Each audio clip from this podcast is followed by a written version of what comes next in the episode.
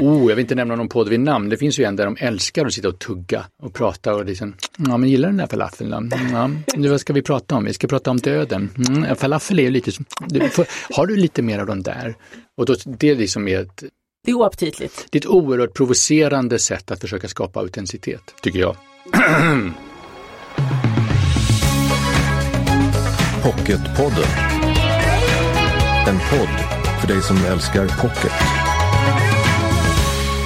Hej! En vecka längre behöver du ju inte vänta nu, utan varje fredag får du doppa fötterna i pocketfloden och höra aktuella författare och annat bokfolk här i Pocketpodden. Och så jag då som heter Lisa Tallroth. Idag ska det handla om något så trixigt som att ha styrfart genom livet. Det här är psykologen, författaren och radioprataren Per Naroskins uttryck och det är också titeln på hans bok som vi ska prata om idag. Sen blir det fler boktips från förläggare Susanna Romanus om hämnd bland annat. Kul att du är här. Nu börjar vi! Ja, det är mycket vi människor har att tampas med. Livspussel och balans i tillvaron till exempel. Svårt, märker alla som försökt. Så strunta i detta, säger Per Roskin och föreslår att vi istället ska försöka rikta in oss på att få styrfart genom livet. Och lyssna på det här. Det här står på omslaget till den boken vi nu ska prata om. Hur du lyckas på jobbet, håller kärleken vid liv och blir lite äldre med värdigheten i behåll. Jo, jo, det låter något det. Jag menar det, jag tycker man ska gå ut hårt. Ja, välkommen hit till Pocketpodden Perna Roskin. Tack. Styrfart genom livet, vad menar du med styrfart? Styrfart är ju en metafor, precis som balans i livet och att få livspusslet gå ihop och sådana saker. Jag är ju väldigt förtjust i att använda metaforer, vare sig jag skriver eller arbetar med patienter. Och då har den här vuxit fram och blivit kvar. Många andra har dött på vägen eller bara använts tillfälligt, men den här har visat sig vara så användbar på många olika områden att jag tyckte att det kunde vara värt att skriva ner det. Styrfart är helt enkelt den lägsta nödvändiga hastighet som man behöver för att kunna bestämma riktning. Om man vattenplanar med en bil, den som har gjort det vet att då spelar det ingen roll hur mycket man snurrar på ratten utan man far dit bilen råkar fara. Och om man sitter i en båt på en älv eller en flod någonstans och så har man ingen segel, ingen motor, inga åror, då kan man ju inte ta ut en kurs för då lyder inte båten roder. Utan det enda man kan göra då är att hoppas på att strömmen kommer att föra en till ett bra ställe och inte till ett vattenfall. Men om man har så lite som en knops högre hastighet än det omgivande vattenflödet, då kan man ta ut en kurs, man kan stå emot strömmen och man kan gå i land där man vill. Så styrfart som metafor, det är den lägsta nödvändiga hastighet i förhållande till omgivningen som vi behöver för att kunna sätta oss i rörelse mot önskade mål på olika områden. Och utan att krocka eller köra in i något eller köra fel? Ja, alltså krocka kan vi göra. Det, det, det är ju inga garantier för att man inte kan göra, men, men det viktiga är väl att styrfart är motsatsen till att förlora initiativet, förlora försprånget och förlora inflytande över sitt liv. Då har man tappat styrfarten. Och, men det är också motsatsen till att ha maxfart genom livet, att köra på för full fart, för då ökar ju risken att krocka och risken ökar ju då också att man man eh, gör slut på bensinen innan man har nått fram. Mm. Man går in i väggen mm. till exempel. Ehm, du är ju psykolog. Jag vet att ni är svaga för just metaforer, är det inte så? En del av oss, det är två läger tror jag. Ja. ja men, och du tillhör det? Jag tillhör metaforlägret. Så ja. om vi då ändå bara får kliva hårstråna här, vad är det för fel på att ha balans i tillvaron? Det är något stillastående tycker jag över det. Det, är något, ehm, det känns eh, konstigt att sträva efter balans som ett självändamål. Min erfarenhet är att allt som är viktigt i livet, som engagerar en, berör en eller driver en, ruckar balansen. Den kräver liksom att man att få ta mera plats eller inverka på ens liv och flytta fokus på ett helt annat sätt. Den andra anledningen till att jag inte gillar balans i livet det är ju att vi har använt det så mycket att det blivit helt sletet. Mm det blir på något vis ett krav istället, att man, man lever sina vardagliga liv och så har man ständigt en känsla av otillräcklighet och tillkortakommande för att man inte hann hämta på förskolan så tidigt som man hade tänkt sig och för att man inte hinner gå med ungarna på den där träningen och för att man inte har kvalitetstid med sin partner och för att man inte hann skrapa båten eller vad det nu är för någonting som man ska försöka få saker och ting att fungera. Man har inte den där balansen utan någonting tar, man jobbar lite för mycket eller man är lite för mycket med någon fritidssyssla och så får man dåligt samvete. Jag är inte så förtjust Så du tänker att styrfart är ändå någonting som man borde kunna uppnå? Ja, styrfart, man kan inte styrfart jämt, men man kan sträva efter att försöka återta initiativet när livet har berövat en det, till exempel genom sorg eller tråkiga händelser eller arbetsvillkor som man inte har kunnat råda över, en arbetssituation som varit tuff. Och, och så får man passa sig för att inte fara upp i maxfart. Då. Du eh, tar dig ju an några olika områden i livet där du tänker att den här metaforen kan vara användbar. Arbetslivet, kärlekslivet och åldrandet. Mm, med, medelåldrandet. Och då när det handlar om just eh, att ha styrfart i arbetslivet så har du ju bjuder du på en lista här där du skriver hur du tänker dig att det ska kännas att ha styrfart i sina arbetsuppgifter.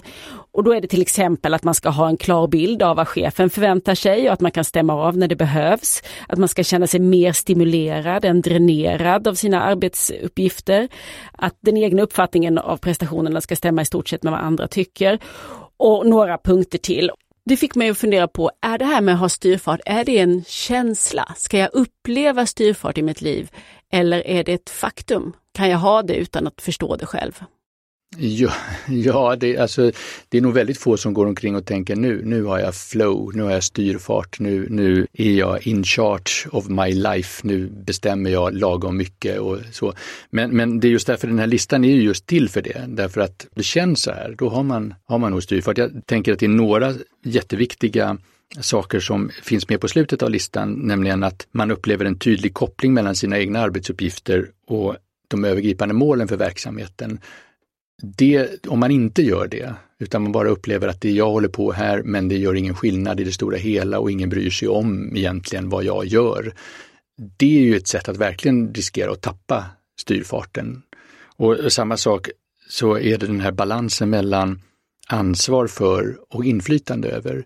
Det vet vi ju att det är en jättestressframkallande situation när du inte har kontroll över dina arbetsuppgifter, när du får det är som att jobba på ett fältsjukhus eller en akutmottagning, det bara väller in patienter och det är du som är ansvarig sjuksköterska för eh, att fördela patienterna och se till att de får rätt vård. Men du har ingen som helst koll på situationen, du vet inte vilka läkare som jobbar eller vilket material du har och vilka som ska komma in.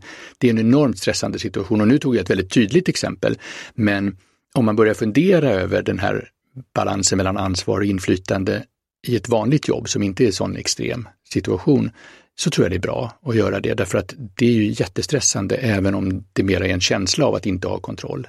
Jag tänker på det där att, det, att vi ska själva bedöma framgången i vårt liv. Mm. Har man taskigt självförtroende eller taskig självkänsla så är ju det väldigt lurigt att veta om man har den där styrfarten eh, eller inte. Ja, om man tänker sig att styrfart inte är en subjektiv upplevelse utan benämningen på hur någon levererar på jobbet, då får man gå tillbaka till den där punkten att ens egen uppfattning ska stämma ungefär med andras. Mm. För att om, om man bara själv tycker att man är bäst på jobbet och är jätteduktig men man inte alls på något vis levererar, då kommer man ju förr eller senare att ha haft för hög hastighet i förhållande till resultatet och då kommer man antingen att bli av med jobbet eller få kritik på olika sätt. Man är ju på jobbet för att göra någonting vare sig det är ett sjukhus eller sälja konservburkar eller bygga ett hus.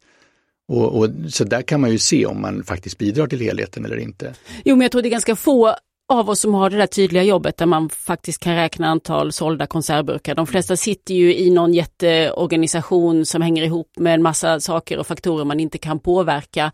Så i slutändan är man bara en väldigt liten kugge i ett stort maskineri så att veta om man verkligen åstadkommer någonting i slutändan eller inte. Nej. Det är svårt. Ja, det är jättesvårt och det gäller ju livet i stort. Ja. Eh, om man, när liksom sluträkningen kommer, om man har bidragit till att göra världen till ett lite bättre ställe eller inte. Det, det, är svårt att svara på, men, men jag tycker att just därför, just för det du beskriver så bra nu, just därför finns det en anledning att fundera över bland annat styrfart.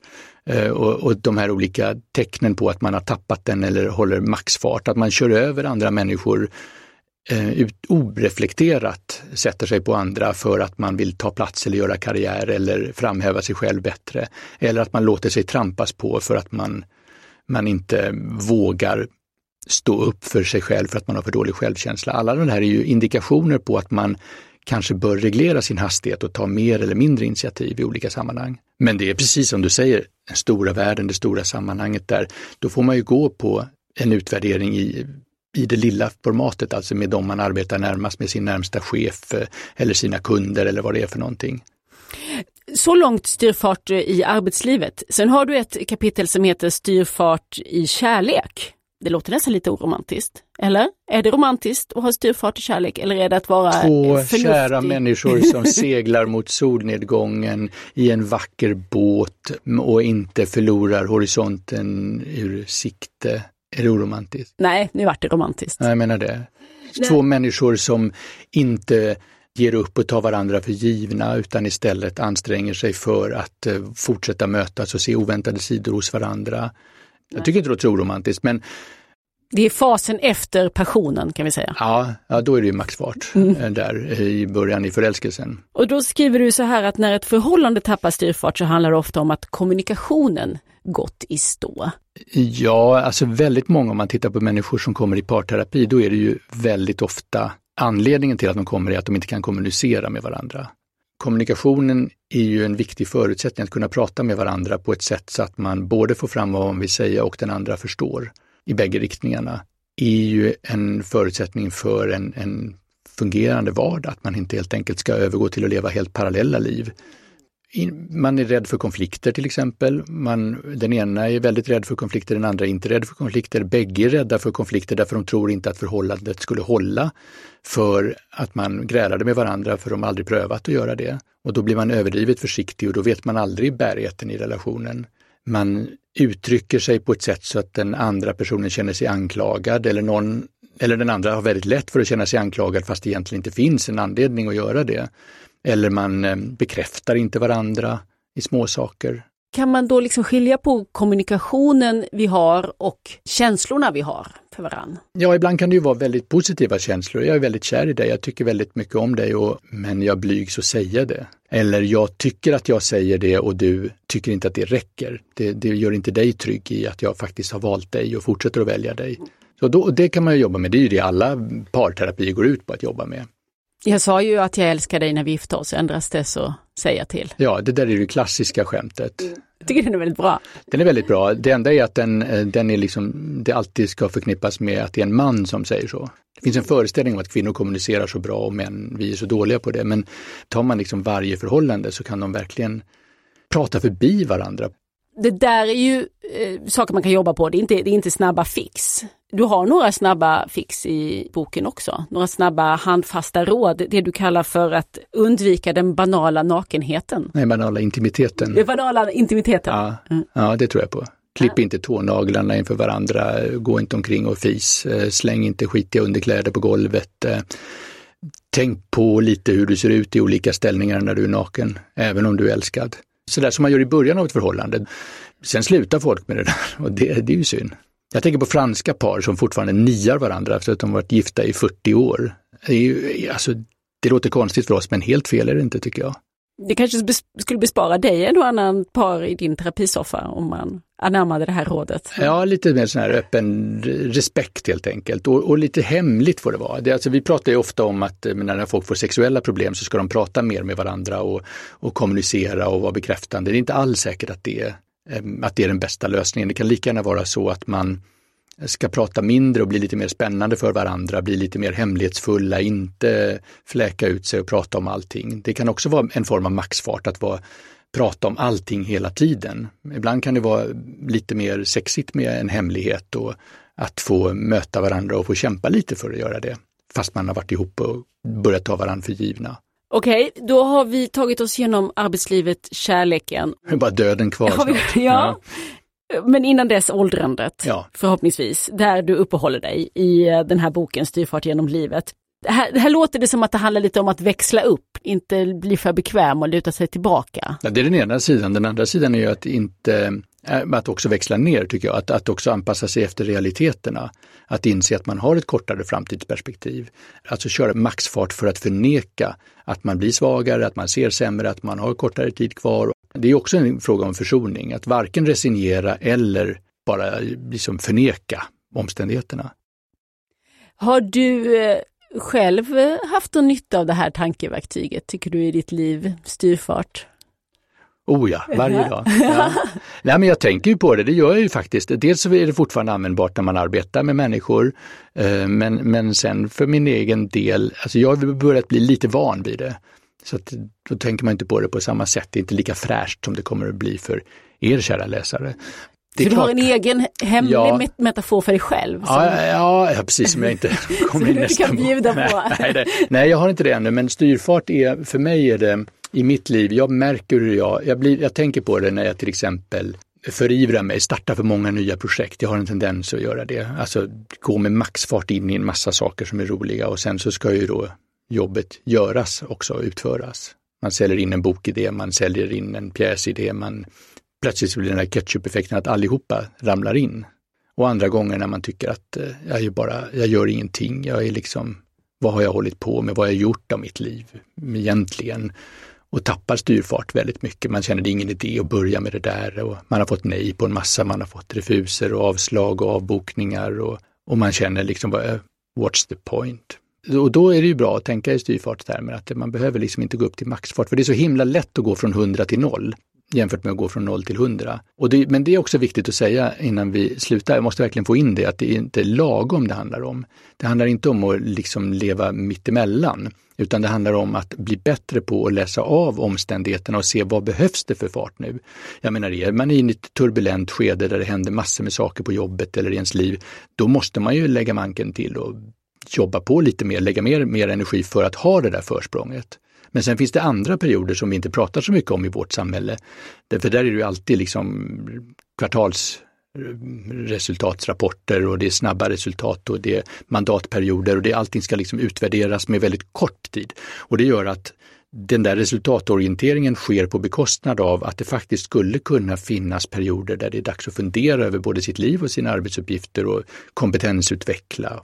Ja, man kan eh, känna igen sig, man får exempel från andra liv och man får anledning att eh, fundera lite på vad man håller på med egentligen. Ja. Det ser ut som du gör det. Du fick ett... Nej, jag bara tyckte ditt Ja, det var så roligt det var liksom så här, jo det där var väl i och för sig intressant men det är stor risk att vi klipper bort just det där abstrakta avsnittet som handlar om samhället. Ja men säg inte det, det är ju så här att denna bok pendlar ju mellan det abstrakta och det konkreta. Det ska mm. vi inte sticka under stol med. Det är liksom en tankebok och du skickar in lite klabbar i, i brasan här så man kan fundera vidare på. Se där en metafor. Ja, man kan fundera vidare på sitt eget liv och hur man tycker eh, det går egentligen med styrfarten.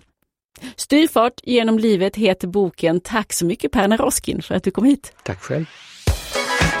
Pocketpodden. Och nu ska det bli fler boktips förstås. Förläggare Susanna Romanus har kommit hit till Pocketpodden. Hej! Hej! Förläggare på både Bonnier Bookery och det nystartade förlaget Romanus och Selling. Och du har ju med dig en liten trave böcker. Det var ju faktiskt så att Pers bok, Per Naroskin som var här nyss, Styrfart genom livet, den, vi sa inte det, men det var ju en liten och tjock och trevlig bok som ser ut som en pocket men är ändå lite lyxigare för den har ett slags tjockare mjukband. Och det är en trave i samma format som du nu har tagit med dig. Vad är detta? Det här är ett format som vi kallar Månpocket Exklusiv och det exklusiva med det är dels som du själv påpekar själva utförandet. De har flikar, de är lite mer påkostade så tillvida. Men det är också det exklusiva att det är första gången man kan läsa dem i papper. Normalt är ju pocketböcker återutgivningar av böcker som redan har funnits ute i pappersformatet. Men de här böckerna har skrivits för Bookery. Och Bookery, Bonnie Bookery är ett digitalt förlag som fokuserar på att ge ut böcker som ljudböcker och e-böcker. Så det här är faktiskt första gången man kan, om man föredrar pappersböcker, läsa dem i pappersformat. Och du sa att två av de här har i alla fall temat hämnd gemensamt. Ja, precis. Vi har arbetat lite grann med tematiska släpp där vi har eh, haft kanske tre, ibland fyra eller fem berättelser som har cirklat kring ett gemensamt tema och som vi då har givit ut samtidigt på Bookery. Och då har vi tagit med oss det lite grann också till Moonpocket Exklusiv. Så två av de här eh, är i det hämndtemat. Och den ena av dem är Annika Widholms Underströmmar och den andra är Åsa Hellbergs Laholmsflickan. Åsa Hellberg känner vi ju som en av de riktigt stora feelgood författarna. Men hon har gjort något lite nytt här, eller hur? Exakt. Här testade Åsa att skriva på ett nytt sätt och det blev Laholmsflickan. Och det är en mörkare berättelse. Den är ganska så svart humor kan man säga. Eh, som handlar om tre kvinnor som beslutar sig för att hämnas på en man som de alla har haft ett förhållande med. Och eh, som det står på omslaget här, underskatta aldrig en kvinnas vrede. Man kan gissa att det inte var några lyckade förhållanden. En av dem har varit gift med honom under lång tid. Det har varit ett på sitt sätt lyckligt förhållande med vissa förbehåll för att han har också under hela deras gemensamma äktenskap bedragit henne. Hon blir uppsökt av en av de kvinnor som han har haft en sidorelation med och säger, tycker inte du att vi skulle ta och döda honom? Och det är utgångspunkten för den här berättelsen. Ett eh, ganska mörkt eh, ämne men skrivet med lätt Åsa Hellbergsk penna.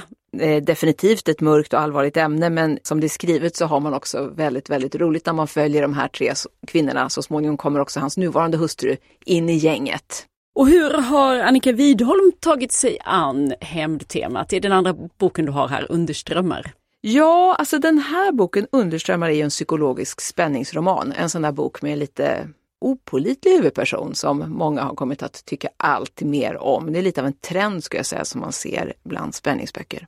Startpunkten är någonting som kanske är alla föräldrars värsta mardröm. Man dyker upp på förskolan för att hämta sina barn och de är inte där. Någon annan har hämtat dem. Och det är det som händer för den här kvinnan, Sandra som hon heter i den här berättelsen. Men parallellt med den berättelsen så får man följa en solig sommardag där Sandra och hennes pojkvän ligger på en filt och tittar upp i solen och börja prata om ifall de skulle vilja skaffa barn tillsammans eller försöka få barn tillsammans. Och det visar sig att här fick, finns en väldigt, väldigt djup konflikt dem emellan. Så de här två spåren kan man säga växlar genom den här berättelsen. Och Sandra funderar också över om det kan vara så att det här med barnen är någon som vill hämnas på någonting som hon själv har gjort. Att det finns en sån bakgrund till att hennes barn är borta. Mm. Och jag känner att eh, pulsen gick upp nu bara när du berättade om detta. Annika. Widholm, mm. Underströmmar. Och den tredje boken den har också en hel del obehagliga scener men är ju faktiskt hämtat direkt ur verkligheten för det är journalisten Katarina Wenstams bok Kvinnor som vill.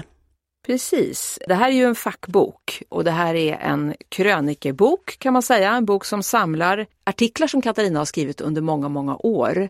Hon har ju sedan hon debuterade väl 2002 med eh, Flickan och skulden och har ju blivit en av våra mest framstående debattörer. Och eh, i den här boken, hon hade ju ett sommarprat och hon myntade ett uttryck som var kvinnor som vill ligger inte still.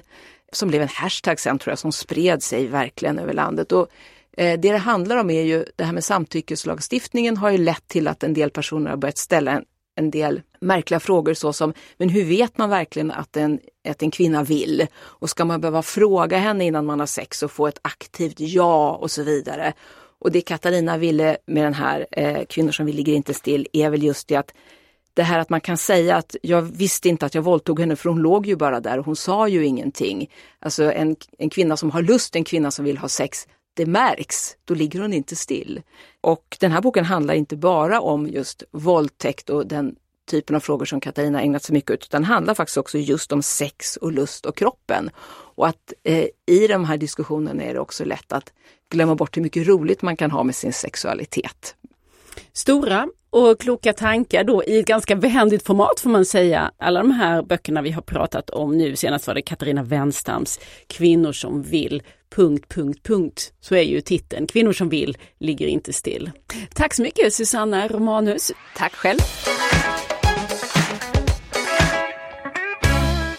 Tack för idag! Pocketpodden är ju tillbaka varje fredag numera. Ursäkta att jag tjatar, men nästa vecka då hör du psykrysarförfattaren Petra Holst. I hennes bok Jag släpper dig aldrig vet man inte vem som håller på att bli galen.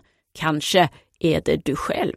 Och dessutom kommer Lina Wolf hit till podden för att prata om Gabriel Garcia Marquez och hundra år av ensamhet som hon just nu jobbar med att översätta. Nytt avsnitt varje fredag alltså. Vill du oss något så hittar du ju oss i sociala medier. Där heter vi Älska Pocket. Och jag heter Lisa Tallroth. Tack och hej! Du har lyssnat på Pocketpodden. En podd från Bonnierförlagen.